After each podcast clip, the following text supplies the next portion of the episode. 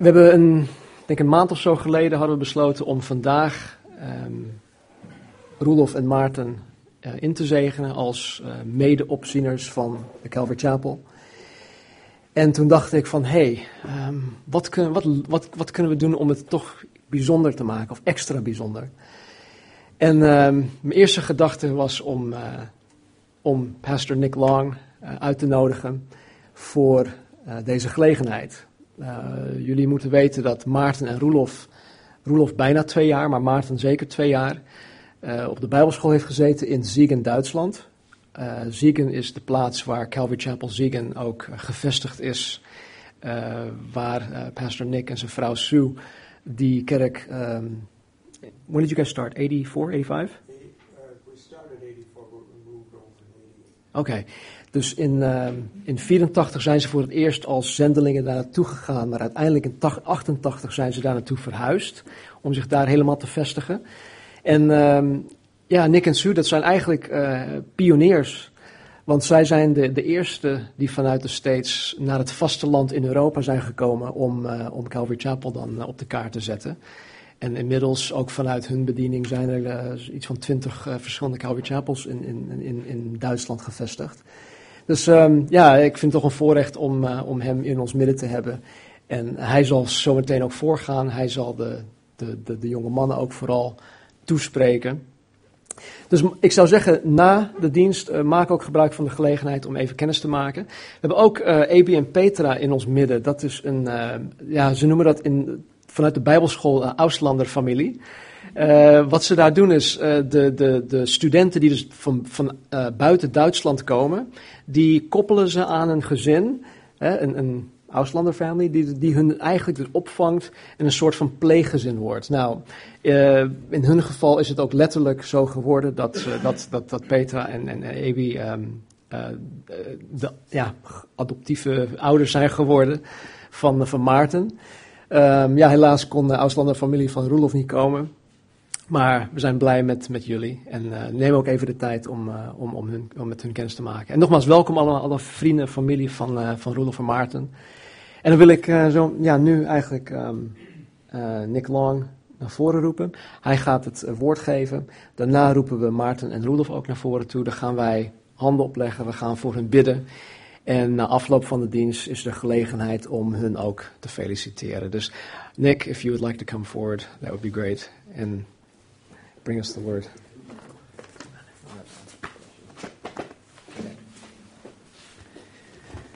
Greetings from Calvary Chapel Ziegen.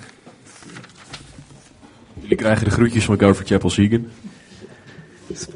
Awesome for us to be here for the first time since you guys have started. We just uh, always heard things, but now to see it, this is awesome. Het is geweldig om hier voor de eerste keer te kunnen zijn. We hebben een hoop dingen gehoord over deze kerk, maar om er nu echt voor het eerst te zijn is geweldig. God is good. Sorry. Thank you. You're going to need that, man. God is goed, mochten jullie dat nog niet door hadden. You're awesome. Um, I want to start with a story Ik wil beginnen met een verhaal uh, that happened in the Midwest in America. Dat eh, zich afspeelde in de Midwest in eh, Amerika. There was a pastor in his flock or in his church. Um, he had a man pass away that was a good friend of his. Er was een eh, voorganger die vanuit, zijn, vanuit zijn gemeente iemand had die overleed. And so after about a month or two, he started thinking about his wife and realized she hadn't been to church in a while. En eh, na een paar maanden begon hij na te denken over de vrouw van die persoon. En die was al een paar maanden niet in de kerk geweest. So he went to visit her. Dus hij ging bij haar op bezoek. And he walked up on the big porch and he kind of saw the curtains move, like somebody was looking through the curtains as he walked up there. En eh, hij kwam aan bij het huis en toen zag hij de, de gordijnen bewegen alsof iemand er doorheen aan het kijken was. And he knocked on the door. En hij klopte op de deur. He waited a little bit, En hij wachtte even. knocked a little bit harder. En hij klopte nog wat And harder. he thought, I, I know she's in there. En hij had zoiets van, ik weet dat ze thuis He is. knocked real hard and long. En hij begon heel hard en heel lang te kloppen. He thought, well, he took out his business card and he turned it over and he wrote on it Revelations 3:20.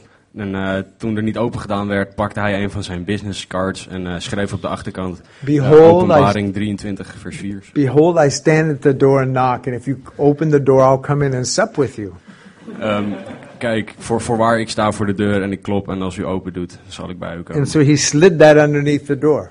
En dat schoof hij onder de deur. The next Sunday, he noticed she was in church. En de volgende zondag viel het hem op dat die mevrouw in de kerk was. And as she was going out, she was just going out as quick as she could. En toen ze naar buiten ging, ging ze zo snel mogelijk naar buiten. And he didn't have a chance to talk to her. En hij had geen kans om met haar te praten. But after they took up the collection and after they, you know, emptied the, the collections out, En nadat ze de collecte leeggemaakt hadden, she had her card in the collection plate. had ze haar kaartje in de, in de, in de eh, collectezak gedaan. And she wrote Genesis 3:10. En daar had ze op geschreven Genesis 3 vers 10. I heard your voice in the garden and I was afraid because I was naked and I and I hid myself. Ik hoorde uw stem in de tuin, maar ik was naakt en ik was bang. I have no idea what that has to do with what we're looking at today. En ik heb geen flauw benul wat dat te maken heeft met We're vandaag. looking at some pretty uh, difficult doctrine here today. En we, we gaan vandaag kijken naar een eh, redelijk ingewikkeld stuk doctrine. And so before we start, would you stand with me and let's pray? Als, voordat we beginnen wilt u met mij gaan staan en laten we bidden. Father, what a privilege it is for, I know, me and my wife and those that have come with us to be here today. Vader, ik weet dat het een ongelooflijk voorrecht is voor mij en mijn vrouw en alle mensen die meegekomen zijn om hier te zijn. Just to be here with family, God. Om hier met familie te zijn, God. It's so awesome. Het is zo geweldig. To be able to worship together with them, Lord. Om samen met hen, met hen te aanbidden, Heer. And now to be able to just open our hearts and open your word and really be taught and guided from you. Om onze harten te openen, om de Bijbel te openen en, en om onderwezen te worden vanuit uw hart. So use this time for your glory, Father. Gebruik deze tijd voor uw glorie, In Vader. Jesus' name. In Jezus' naam. Amen. Amen. You can be seated. U mag weer gaan zitten. And I'd like to get you to read then, let's read the whole section. It's 1 Timothy 4, verses 12 through 6. Eh 12 through 6 of 16? Uh, sorry, 16. Oké. Eh, 1 Timotheus 4, vers 12 tot en met 16. You want me to just read it? Or? Oké. Laat niemand u minachten vanwege uw jeugdige leeftijd, maar wees een voorbeeld voor de gelovigen in woord, in wandel, in liefde, in geest, in geloof en in reinheid. Blijf bezig met het voorlezen, met het vermanen, met het onderwijzen, totdat ik kom. Veronachtzaam de genadegave niet die in u is en die u gegeven is door profetie, met handoplegging door de raad van ouderlingen. Overdenk deze dingen, leef erin, opdat uw vorderingen op elk gebied openbaar worden. Geef acht op uzelf en op de leer, volhard daarin, want wanneer u dat doet, zult u zowel uzelf behouden als hen die u horen. I love how this starts. Let no one look down or let no one despise your youth. Ik vind het geweldig hoe dit begint. Laat niemand u minachten vanwege uw jeugdige leeftijd. I think of Solomon saying, There's nothing new under the sun. Ik denk aan Salomo die zegt, er is niets nieuws onder de zon. This scripture has been needed and used over the last 2,000 years many times, I believe. En dit stuk eh, uit de Bijbel is nodig geweest en onderwezen eh, vaak genoeg over de laatste 2000 jaar. I was in my later 20s when they asked me to come on as an elder in our church in Seattle. Eh, ik was eind 20 toen ik gevraagd werd om onderdeel te worden van de oudste raad in de kerk in Seattle. And I was very shocked En ik was eh, nou, gewoon gechoqueerd. at how people kind of sometimes had attitudes toward me. Eh, over, ik was geschokt over de houding die mensen naar mij hadden. Because I was younger than them. Want ik was jonger dan zij. They were in the church since it started. Zij waren al in de kerk sinds het begon. I had only been in the church for the last three or four years. En ik was eh, pas in die kerk gekomen eh, drie of vier jaar geleden. They were not only older physical, physical than me, they were older spiritual. Ze waren niet alleen eh, fysiek ouder dan ik, maar ook geestelijk ouder dan ik. And then when we went to Germany, En toen gingen we naar Duitsland. that was in 1988 when we went to start a church. Dat was in 1988 toen we een kerk gingen beginnen. And for probably the first two to three years, En waarschijnlijk voor de eerste twee tot drie jaar my wife and I were probably the oldest people in the church. waren wij waarschijnlijk de oudste mensen in die kerk. I don't know why. We just attracted young people. En ik weet niet waarom, maar we trokken gewoon een hele hoop jonge mensen aan. And it came to a point where we realized, you know what? We need to establish some elders. En toen kwam op een gegeven moment het punt waarop wij door hadden: hey, we moeten eh, ouders, eh, oudsten gaan aanstellen. And I remember uh, two pastors coming through from New York. En ik herinner me dat er twee voorgangers vanuit New York eh, langskwamen. They were in the, the Calvary Chapel movement for many years. En zij wa- waren al heel lang een onderdeel van de Calvary Chapel beweging. And I said, What do I do with this? En ik vroeg aan hen: wat doe ik hiermee? Because, you know, there are a few older people now in the church, but they're not really serving in that kind of a way, where we have these younger guys that are really serving as elders. Het probleem was dat we een aantal eh, mensen hadden in de kerk die ouder waren, maar die niet dienden op de manier zoals de jonge mensen wel deden, op de juiste manier. And I'll never forget what Bill Gallatin said from New York. En ik zal niet vergeten wat Bill Gallatin van, eh, uit New York zei. He said, We were a young church and we had to raise up young elders. Hij zei, we waren een jonge kerk en we moesten jonge oudsten oprichten. And many thought that that would be the demise of our church. En velen dachten dat dat de doodsteek voor de kerk zou zijn. And he said it became the strength of our church. En het werd juist de kracht van de kerk. He goes, You're a young church. Hij zegt, jullie zijn een jonge kerk. You need to raise up some young elders. Hij jullie moeten jonge oudsten gaan oprichten. There's a thing called sanctification. Er is eh, iets dat heiliging heet. When we come before God and we're forgiven for our sins, we are justified before God, holy and righteous. Wanneer wij voor God komen en onze zonden vergeven zijn, dan worden wij gerechtvaardigd door, God. But then, God puts the ball back into our court. En dan eh, geeft, paast God de bal terug naar ons. And He says, How much do you want to follow me? En dan vraagt hij aan ons, hoeveel wil je nou eigenlijk echt mij volgen? Will you really pick up your cross daily and follow me? Wil je echt dagelijks je kruis opnemen en mij volgen? And these are a lot of the things that God is watching for in each of our lives. En dit is een van de dingen waar God veel naar kijkt in onze levens. And from my own personal experience, En vanuit mijn persoonlijke ervaring, growing up in a mainline church, eh, in een main, eh, opgroeiend in een mainline church, eh, I kerk, saw many people that were even in eldership or in leader positions in the church zag ik veel mensen die oudste waren of in leiderschap zaten van de kerk. that were not very grown spiritually. Die niet echt eh, gegroeid of volwassen waren, geestelijk gezien. Later, we found out some of them weren't even saved, Het, het ging zelfs zo ver dat we erachter kwamen dat sommigen van hen niet gered waren. but they were elders because their fathers were elders, because their grandfathers were elders, and that was their church. Ze waren oudsten omdat hun, eh, hun, oude, hun vaders waren, waren oudste en hun grootvaders waren oudste. And it wasn't long that they had uh, one and then later two church splits that were very nasty. En het duurde niet lang totdat die kerk één en later zelfs twee eh, kerksplitsingen had die niet vriendelijk waren. So we went through the same thing in Ziegen. Dus wij zijn door hetzelfde gegaan in Ziegen. We've lived there now for 23 years, We, we, we hebben er nu al voor 23 jaar lang gewoond. and we've raised up young el- elders. It's probably been since um, 97 since we put them in place. En sinds 1997 hebben we jonge oudsten o- in, op, eh, opgericht in de kerk. And there were other people that came up and said, hey, you know, aren't they kind of young? And there was a lot of talk going on in the church. En toen kwamen er, een, er zijn ook mensen naar ons toegekomen die zeiden, "Z- zijn ze niet een beetje jong? En er was een hoop gepraat in de kerk. But you know something, I would go to God with this, and the Lord would just say, look at their lives. En dan, ik ging daar dan mee naar God en dan zei God, nou kijk naar hun levens. They love me. Zij houden van mij. They're not just walking in my grace, but they're learning to bring others into grace. Eh, ze, ze wonen en wandelen niet alleen in mijn genade, maar ze leren ook om andere mensen in die genade te brengen. And it's so awesome that to this day, probably some 11 years later, maybe 12, En het is geweldig dat tot, tot op de dag van vandaag, zo'n 11, 12 jaar later, all of these guys are running the church. zijn dat de gasten die de kerk op het moment eh, runnen. And in fact, this last couple of months, we've stepped back in ministry and we've established one of the guys that's been in our church almost the longest. En eh, het a is nu, young guy. het, het is nu eh, tot op het punt gekomen dat wij een stap achteruit gedaan hebben in de bediening. En dat wij die jonge gasten eh, vooruitgeschoven hebben en eentje specifiek in de bediening. I find it funny that I was 30 when we started the church, Ik vind het grappig dat eh, als ik bedenk dat wij 30 waren toen we die kerk begonnen. and this year he became 30. En dit jaar werd hij 30.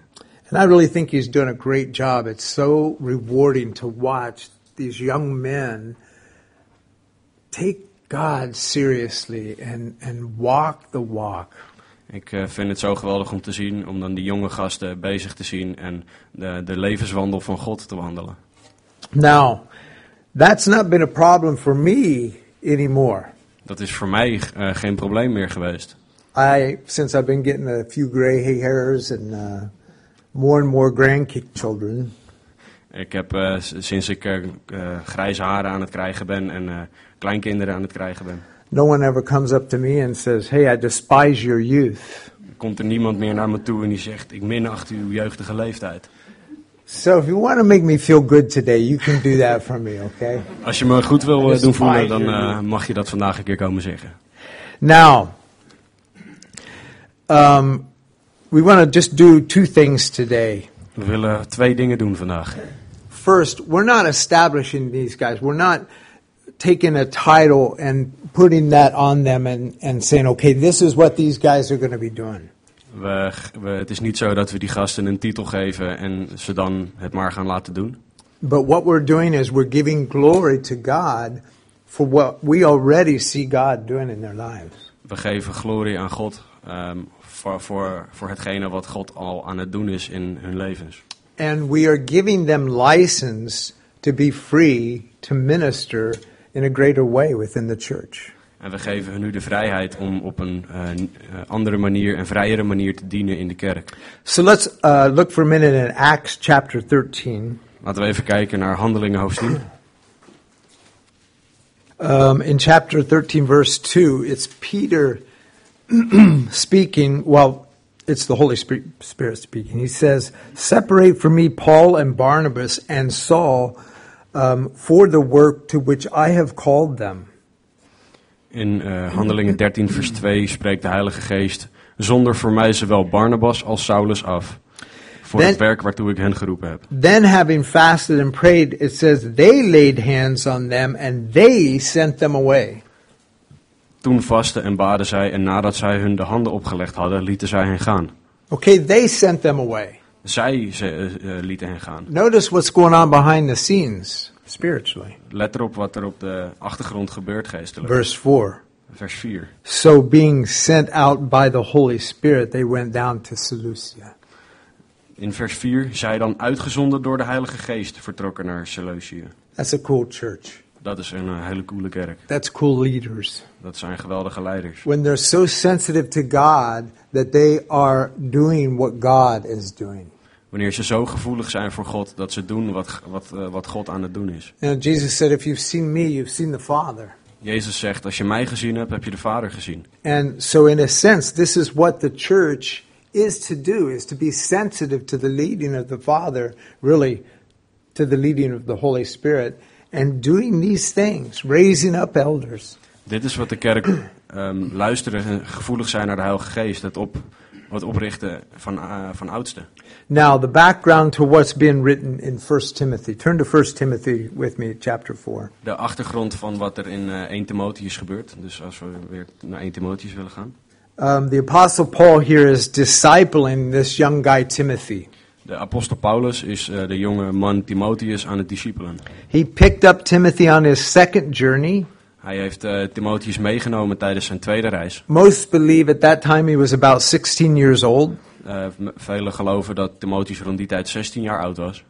And Paul then started later, he started the work in Ephesus, and that was one of the longer places that he would stay.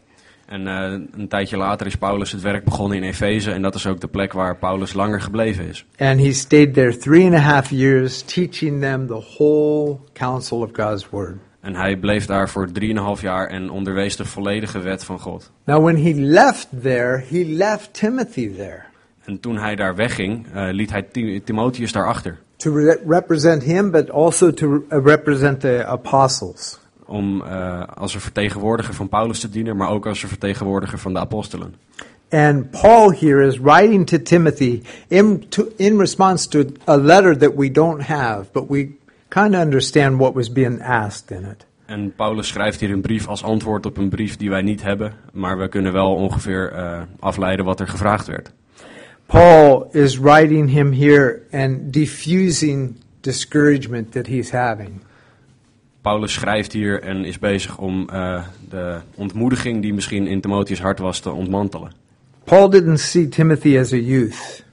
Paulus zag Timotheus niet als een jeugdig iemand. He saw him as a godly young man. Hij zag hem als een goddelijke jonge man. Paul doesn't say, "Hey, give me the names, and when I come back there, I'll fix things." You know. Paulus zegt niet, nou geef, vertel mij maar wie het zijn. eh, Zodra ik terug ben, dan zal ik er even voor zorgen dat het goed komt. Really, Paul puts the ball back in Timothy's court.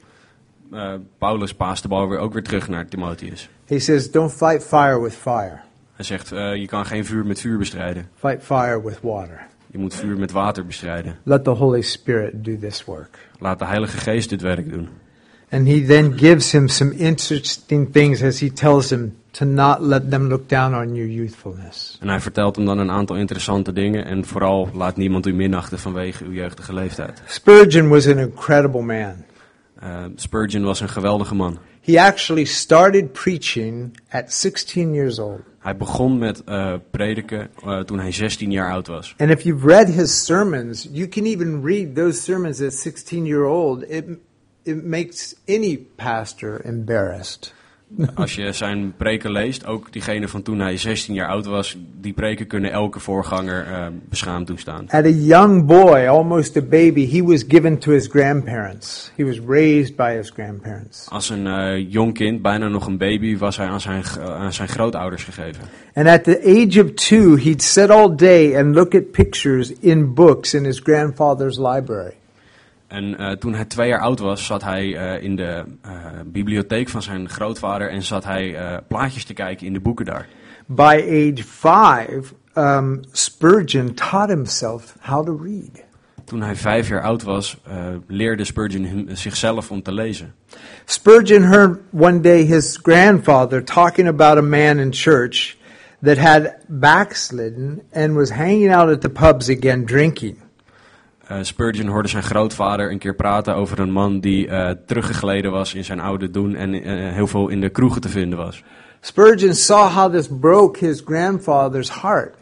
Spurgeon zag hoe dit eh, het hart van zijn grootvader brak. And he was only five years old. En hij was nog maar vijf jaar oud. So he went down to the pub, En hij ging naar die kroeg toe walked right up to the man standing at the bar, en liep rechtstreeks naar de man toe die bij de bar stond. and he said, You should be ashamed of yourself. En hij zegt, je moet je schamen. He says, um, Not only are you a lousy witness of Jesus Christ, Hij zegt, niet alleen ben je een slechte getuige van Jezus Christus, but you're breaking your pastor's heart. maar je, je breekt ook het hart van je voorganger. And he turned around and just walked out. En hij draaide zich om en liep er weg. And they say the man laid his head on the counter and just began to bawl.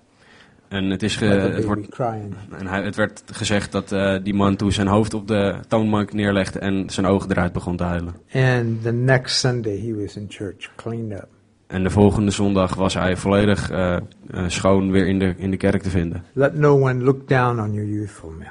Laat niemand u minachten vanwege uw jeugdige leeftijd. And believe me, they will. En je, ik kan je vertellen, dat zullen ze wel doen. He says here if your godliness is something that is to be recognized by others around you, Hij zegt, be an example to others around you. hij zegt dat de, eh, de goddelijkheid van die mensen ehm, bekend moet zijn. Dat die zichtbaar moet zijn voor andere mensen. Wees een voorbeeld. He says if you don't want anyone despising your youth, now he's going to give him a list of things that he needs to be working on. En eh, hij zegt, als je wil dat mensen niet op je neerkijken vanwege je jeugdige leeftijd, hij geeft nu een lijst van dingen die je daarvoor kan doen. And these are the examples that God says is so important for an elder or any leader to have. En dit zijn eigenschappen die heel belangrijk zijn voor een eh, oudste of elke leider om te hebben. And these aren't something that you just study once and think, okay, I've got that down, stick it up on the shelf. This is something that we need to be reading all the time. Dit is niet iets dat je één keer leest en dan heb je het onder de knie en dan kan je dit netjes opbergen in de kast. Maar dit is iets wat we de hele tijd door moeten lezen. He says, Let no one despise your youth, but be an example to the other believers. Hij zegt, laat niemand u minachten vanwege uw jeugdige leeftijd, maar wees een voorbeeld voor de gelovigen. In word, In woord, that's what you say. dat is gewoon wat je zegt. At church, Eh, in de kerk, at home, thuis, in the community. eh, in de gemeenschap. Notice he says conduct after that. Hij zegt in wandel. That's what you do. Dat is wat je allemaal doet. What do you do when no one's watching? Wat doe je wanneer niemand je ziet? What do you do when you have time on your hands and, and there's really nothing to do? Wat doe je als je nou, tijd over hebt en er is niet echt iets om te doen? Conduct is very important to God, and it's very important for us as a church to see in our leaders. Ehm, je wandel is heel belangrijk voor God en het is ook he- iets heel belangrijks om te zien in onze leiders. He says, in love. In liefde. That's their agape or their service because of God's love. Dat is hun eh, agape of hun dienstbaarheid naar God toe. Remember, Jesus said, Greater love has no man than he laid down his life for another. Jezus zegt, niemand heeft een grotere liefde dan deze, namelijk dat hij zijn eh, leven voor een ander geeft. And then he says, in faith. In, en daarna zegt Paulus in, in, eh, in geest. Really, in context, he's saying, in your faithfulness or in your servitude. Hij zegt eigenlijk eh, in, je, in jullie getrouwheid of in jullie dienstbaarheid. One of the most important ones, I think, for uh, a young man in ministry is purity. En eh, de, misschien wel de belangrijkste voor een jongeman in de, eh, in de bediening is reinheid. Remember, these guys, as single young men, were living in Ephesus, which at the time was one of the most immoral cities in the world. En je moet, je moet eh, bedenken dat die jonge mannen op dat moment single waren en in Efeze leefden, wat een van de meest immorele steden ter wereld was. I'll never forget my pastor talking about this. En ik zal nooit vergeten dat mijn voorganger hierover eh praatte. He says, you know, you'll be tempted your whole Christian life, your whole ministry, with this one thing purity. Hij zei dat je je hele leven eh, verleid zou worden, je hele leven gepakt zou worden op dit ene ding, eh, reinheid. And this was 30 years ago, he was telling us this in our, in our discipleship class. En dit was iets dat hij ons 30 jaar geleden vertelde in onze discipelschap eh, les. And he says, you know what? I've seen some of the greatest preachers fall. Hij zegt, ik heb, ik heb de, misschien de, de grootste voorgangers heb ik, heb ik zien vallen. And he said, you know what? They never ever make it back to the ministry. En hij zei, ze zullen, het nooit, ze zullen nooit hun weg terugvinden naar de bediening. He says, this is the one thing that if you fall to this, God himself will disqualify you. Dit is een van de dingen, als je daar de fout in gaat, dan zal God zelf zal je eh, uitsluiten van de bediening. That scared me to death. En daar schrok ik heel erg van. That's something God wrote on my heart. Dat is iets dat God op mijn hart legde. And I tell you, we need to be scared about these things. En ik kan je zeggen, we moeten bang zijn van en door deze dingen. These were the things that were always a part of the worship of idols during their days. Dit was een van de dingen die altijd een onderdeel was van eh, hun eh idolenaanbidding in die tijd. And yet that was 2,000 years ago. En dat was 2000 jaar geleden. Look at what we're up against today. Kijk waar we tegenwoordig eh, voor staan. Guys, pay attention to these. Jongens, luister hiernaar. These are the things that will keep you pure. Dit zijn de dingen die je eh, rein zullen houden. They're the things that will build your faith, Dit zijn de dingen die je geloof zullen bouwen. that will allow you to have love, Die je toe zullen staan eh, om liefde te that hebben. will affect your conduct Die je wandel zullen beïnvloeden. and your word, what you En- say. En je, wo- en je woord, wat je zegt. Notice these things are working deeper and deeper as they go. En let er eens op hoe, hoe ze steeds dieper gaan. Really, it's talking about character here. En waar het eigenlijk over gaat, is over het karakter. These are the requirements for anyone that will represent God here on earth. En dit zijn eh, eigenschappen die iedereen moet hebben die Jezus Christus wil vertegenwoordigen op deze aarde. And you have to realize back in these days, En je moet je realiseren dat in, terug in, eh, toen in die tijd, they didn't have Bibles. toen hadden ze geen Bijbels. They really wealthy people or libraries had scrolls.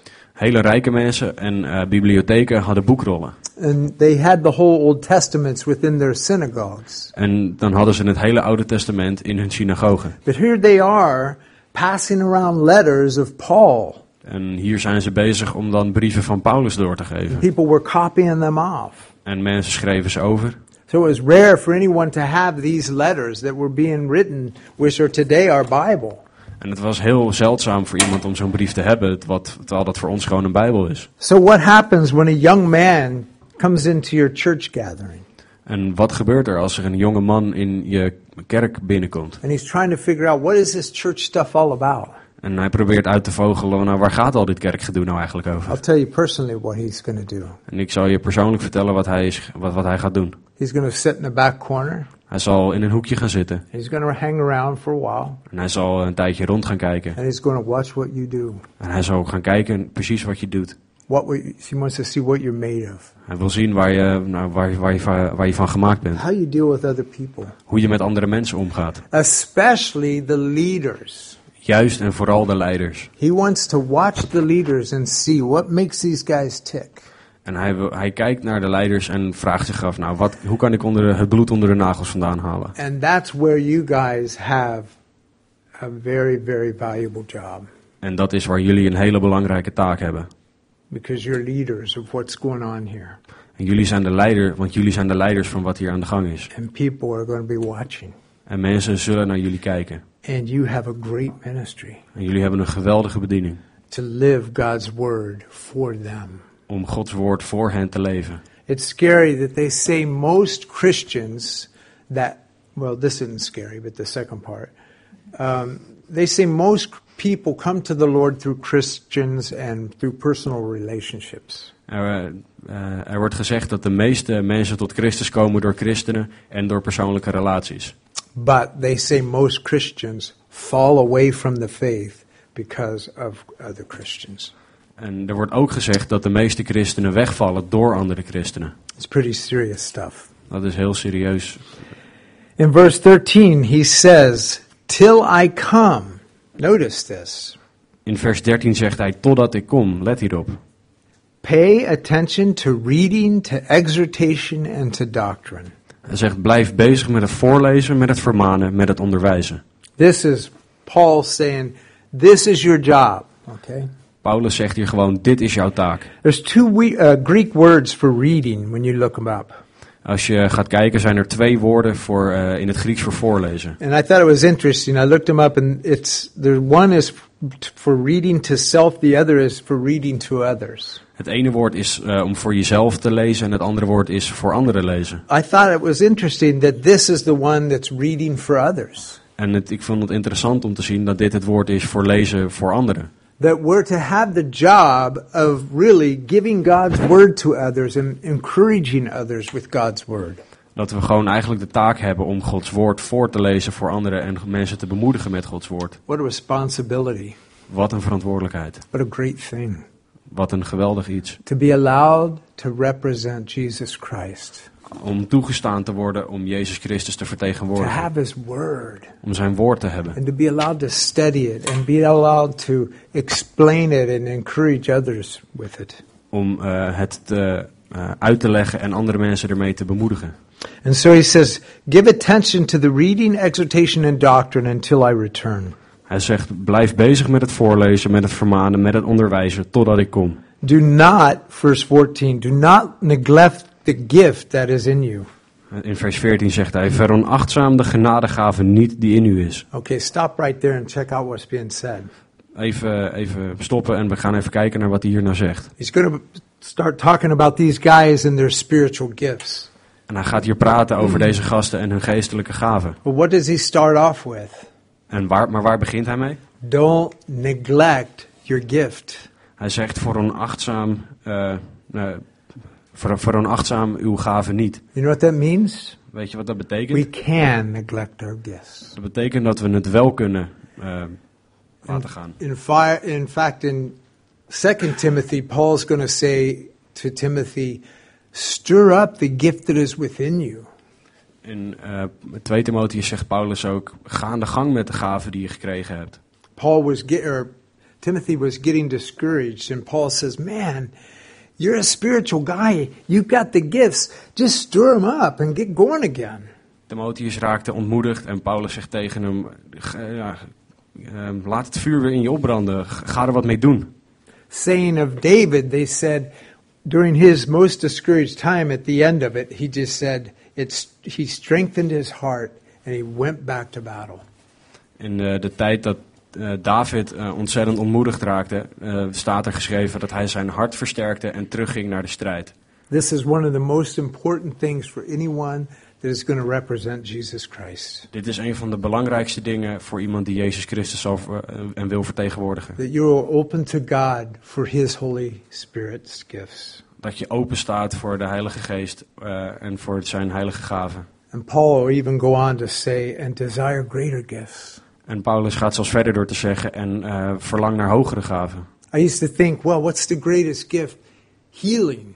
Maar ik, ik, ik begon eh, na te denken en ik dacht, wat is dan de grootste gave? Genezing? Walking on water. You know, what's the greatest gift? Wonders falling from heaven. O- op water lopen, wat is nou de grootste gave? Eh, wonderen die uit de hemel komen vallen. And in context, what that's saying En in de context van wat dat zegt, is recognize the gifts God has given you ehm, herken de, ge- de genadegaven die jou gegeven zijn. and recognizing what other gifts would enhance that gift.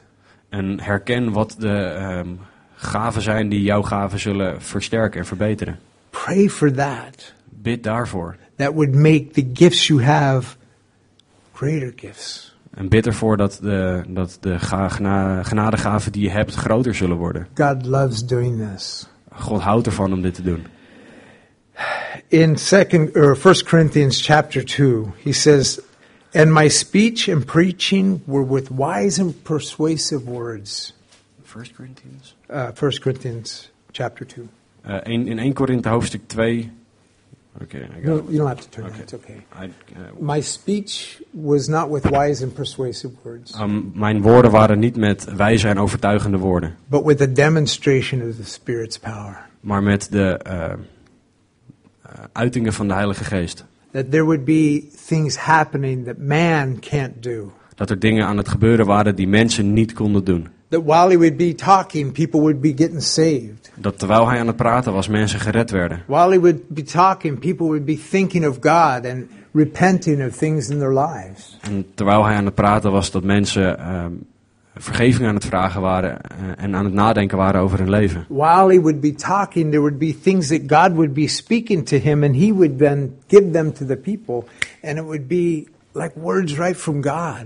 Dat terwijl hij aan het praten was, God tot hem sprak en hij dat direct doorgaf aan het volk. En dat de mensen direct aangeraakt werden door God. This is your guy's job Dit is, jullie, dit is eh, voor jullie gasten jullie to taak. stir up the gifts within you, Om de, eh, de, de gaven die je hebt eh, op te roepen. to pray for even greater gifts. Bid voor grotere en eh, betere gaven. God can't do that for you. That's your sanctification. That's what you're to do for God.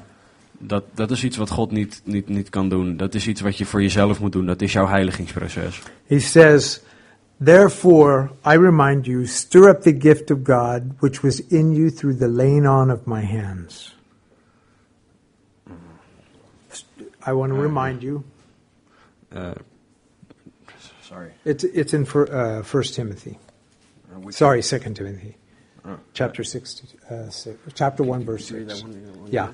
Therefore, I remind you, daarvoor waar ik herinner u eraan. stir up the gift Ehm, roer de gaven op. of God which was lay, given to you by the laying on of your hands. De, de, de gaven van God die u gegeven zijn door het opleggen van handen. So, how does a person do this? Zo, hoe, hoe, hoe doet iemand dat? Well, look at what he says in verse 15. Kijk naar wat hij zegt in vers 15. Meditate on these things, give yourselves entirely to them, that your progress may be evident to others. Hij zegt in vers 15: Overdenk deze dingen, leef erin, opdat uw vorderingen op elk gebied openbaar worden. Okay, notice here. Oké, le- let hierop. Meditate. Hij zegt: Overdenk deze dingen. How many in this room know how much Pastor Stan meditates? Hoeveel van jullie in deze ruimte weten hoeveel Stan mediteert en denkt over dingen? How many of you in this room know how much I meditate? Hoeveel van jullie in deze ruimte weten hoeveel ik mediteer en overdenk? Now, when Stan's driving down the road and he's got his head on the steering wheel, uh, he's asleep. He's not meditating. Uh, Wanneer Stan eh, met zijn hoofd op het eh, stuur op, eh, eh, rijdt, dan zit hij niet na te denken, dan is hij gewoon aan het slapen. Yet these are important things. Maar dit zijn belangrijke dingen. You can do your leadership without anyone knowing if you're meditating, if you're praying, if you're fasting. Je kan je leiderschap uitoefenen zonder dat iemand het weet, door je meditatie, door je bidden, door je vasten. But he does point something out here.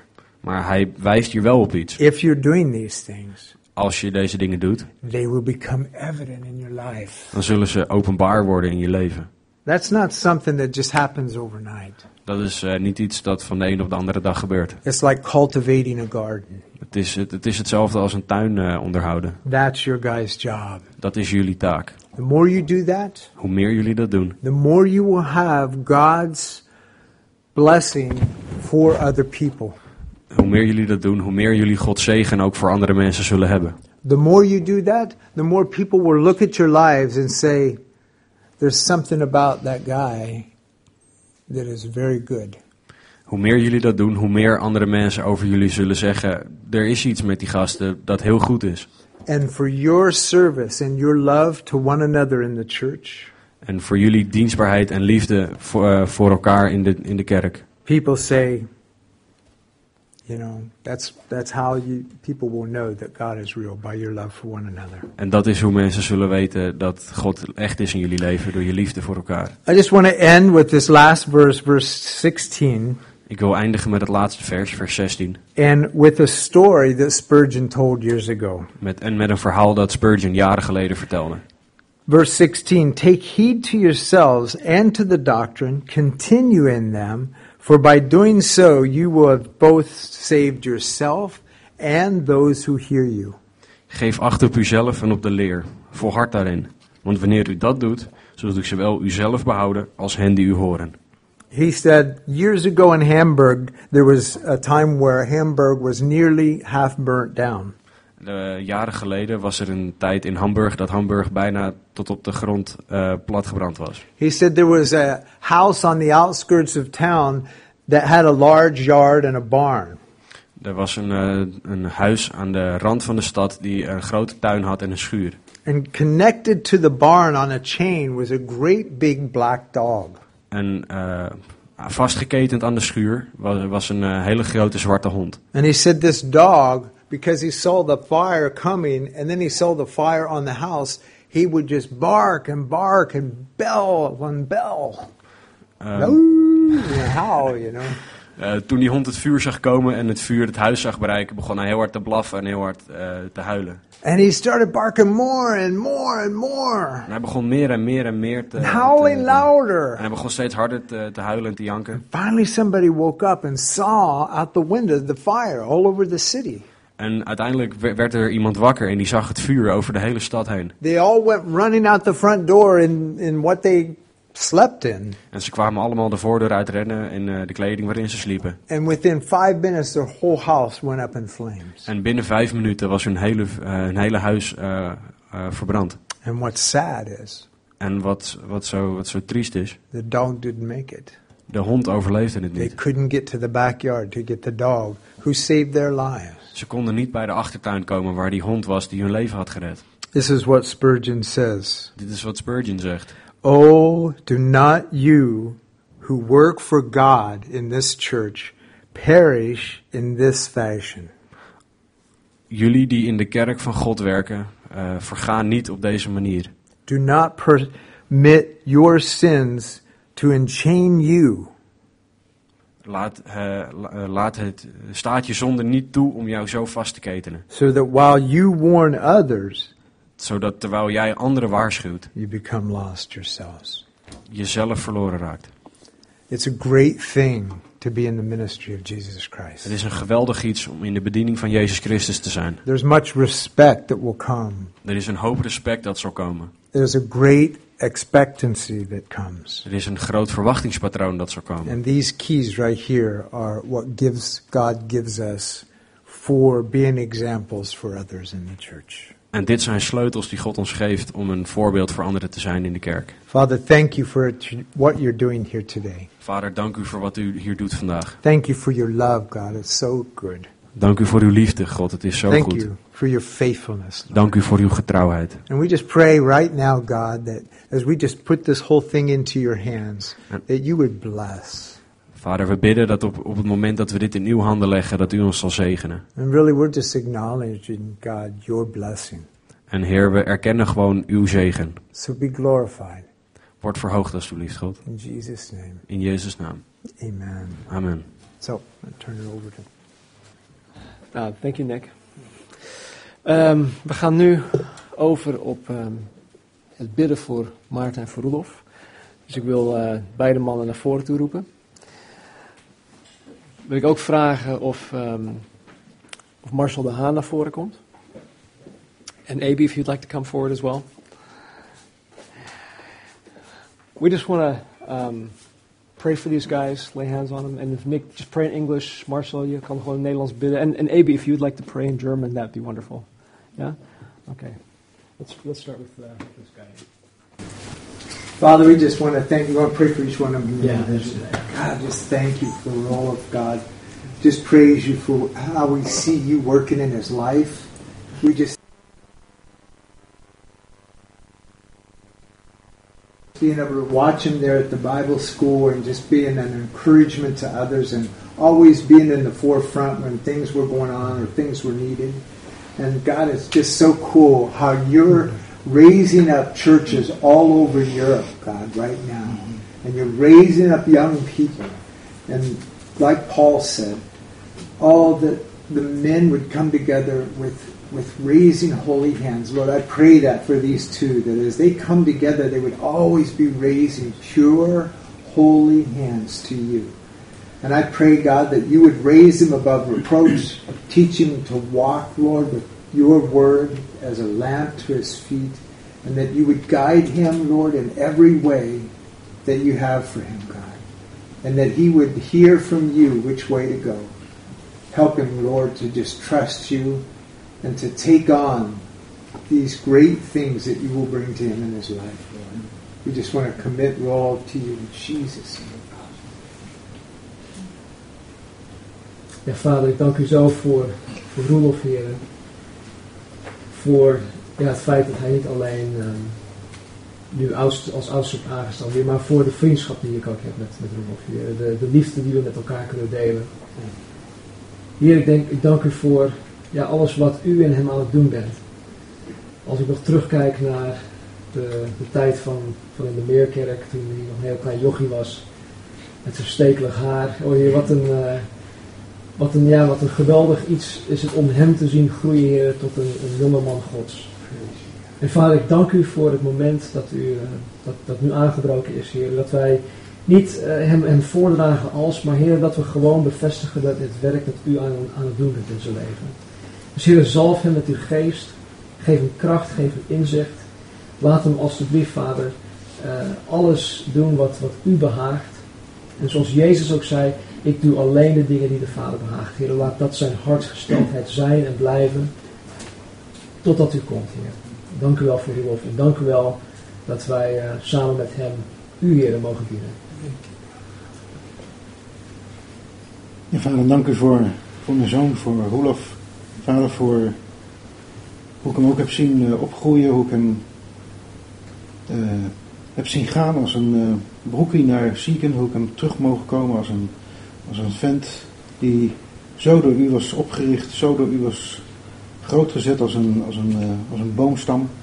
Vader, en ja, dat hij ook, eh, ja, door, ja, door, de, door, door uw leiding, door steun gevraagd is om ja, verder te gaan daarin en om dan ook hier oudjes te willen zijn, ons te mogen dienen in deze gemeente. Vader, dat hij ook deze, ja, deze taak wilde doen.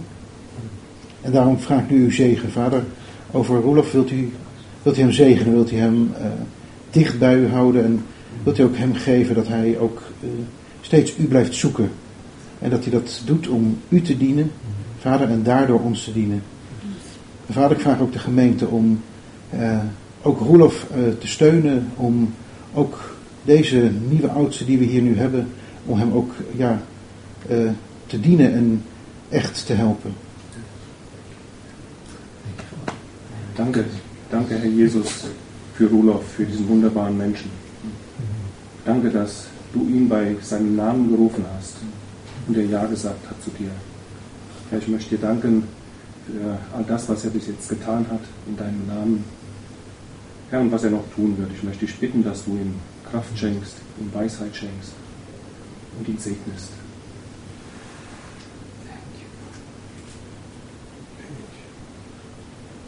Vader, dank u wel voor Maarten, Heer.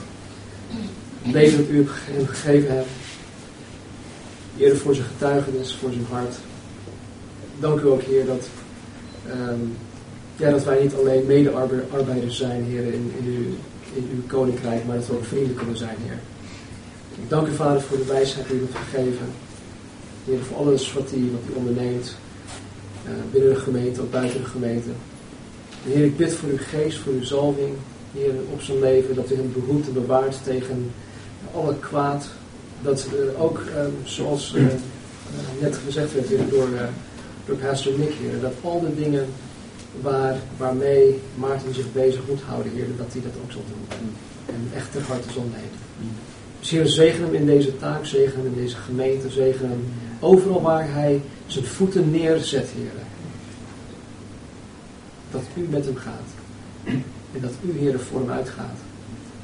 En we, we bidden, Heer, uw geest en uw heiligheid over hem heen. In Jezus' naam. Danke, Jesus, für Martin. Danke für die Zeit, die er in Siegen sein durfte, dass er dort ausgerüstet wurde in der Bibelschule. Ja, und ich möchte dir ganz besonders danken, dass ich ihn als Freund und als Bruder haben darf. Danke für die gemeinsame Zeit, die wir hatten, wo wir gemeinsam gelacht hatten, wo wir zusammen Sport getrieben haben, aber wo wir auch ernste Dinge besprochen haben. Danke für das Zeugnis, was er schon in der Zeit gegeben hat in Siegen, besonders bei meinen Freunden, die dich nicht kennen. Ja, und ich möchte dich bitten, dass du ihn weiter segnest. Rüste du ihn aus mit Kraft, mit Weisheit, dass er die richtigen Dinge tut. Ja, und es werden auch schwierige Zeiten kommen. Ich möchte dich bitten, dass du dann deine Hand über ihn hältst, ihn segnest, ihm Kraft schenkst. Ja, vader, ik wil je zo ja, danken voor van Maarten. Vader, eh, ik hem zien gaan en zien ook om ja, zoveel enthousiasme om ja, meer en meer van u te leren kennen, om meer van u te zien. En vader, ik dank u dat hij de tijd heeft willen nemen daarvoor, dat hij dat heeft mogen doen. En ja, dat u hem daar ook zo in gezegend hebt in, eh in Sion. En hem, ja, ook als een boom hebt neergezet die nu staat aan de waterstromen en daar de vrucht kan geven.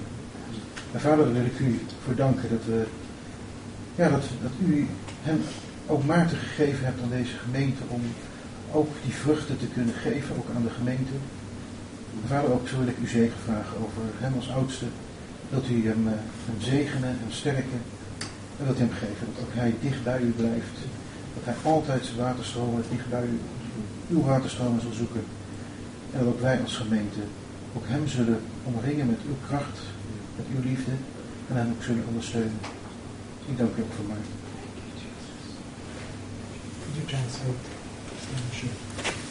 The Lord says to you, brothers, De Heer zegt tegen jullie broeders. one day you will be before me, and it won't be long. Eén dag zullen jullie voor mij staan en het zal niet lang meer duren. And I will ask of you what you've done with what I've given you. En ik zal je vragen wat je eh, gedaan hebt met wat ik je gegeven heb. Not what I've given someone else. Niet wat ik aan een ander heb gegeven. I've given you everything you need to be the greatest in my kingdom. Ik heb je alles gegeven om de grootste te zijn in mijn koninkrijk. How you take what I give you and deal with it is going to be up to you. Eh, hoe je neemt en wat je ermee doet is geheel aan jullie. I have called you. Ik heb je geroepen. I have gifted you. Ik heb je genadegaven I have gegeven. lavished my grace upon you. Ik heb mijn genade overvloedig over jullie heen Now gestort. go and make disciples Nu ga heen en maak in discipelen. all the world, In de hele wereld. and especially right here. En vooral hier. I will use you like no time other than this. Ik zal jullie gebruiken als geen andere tijd voorheen. The time is short. De tijd is kort. Stay in me. Blijf in mij. Stay in my word. Blijf in mijn woord. And continue to serve others with my love. En blijf anderen dienen met mijn liefde.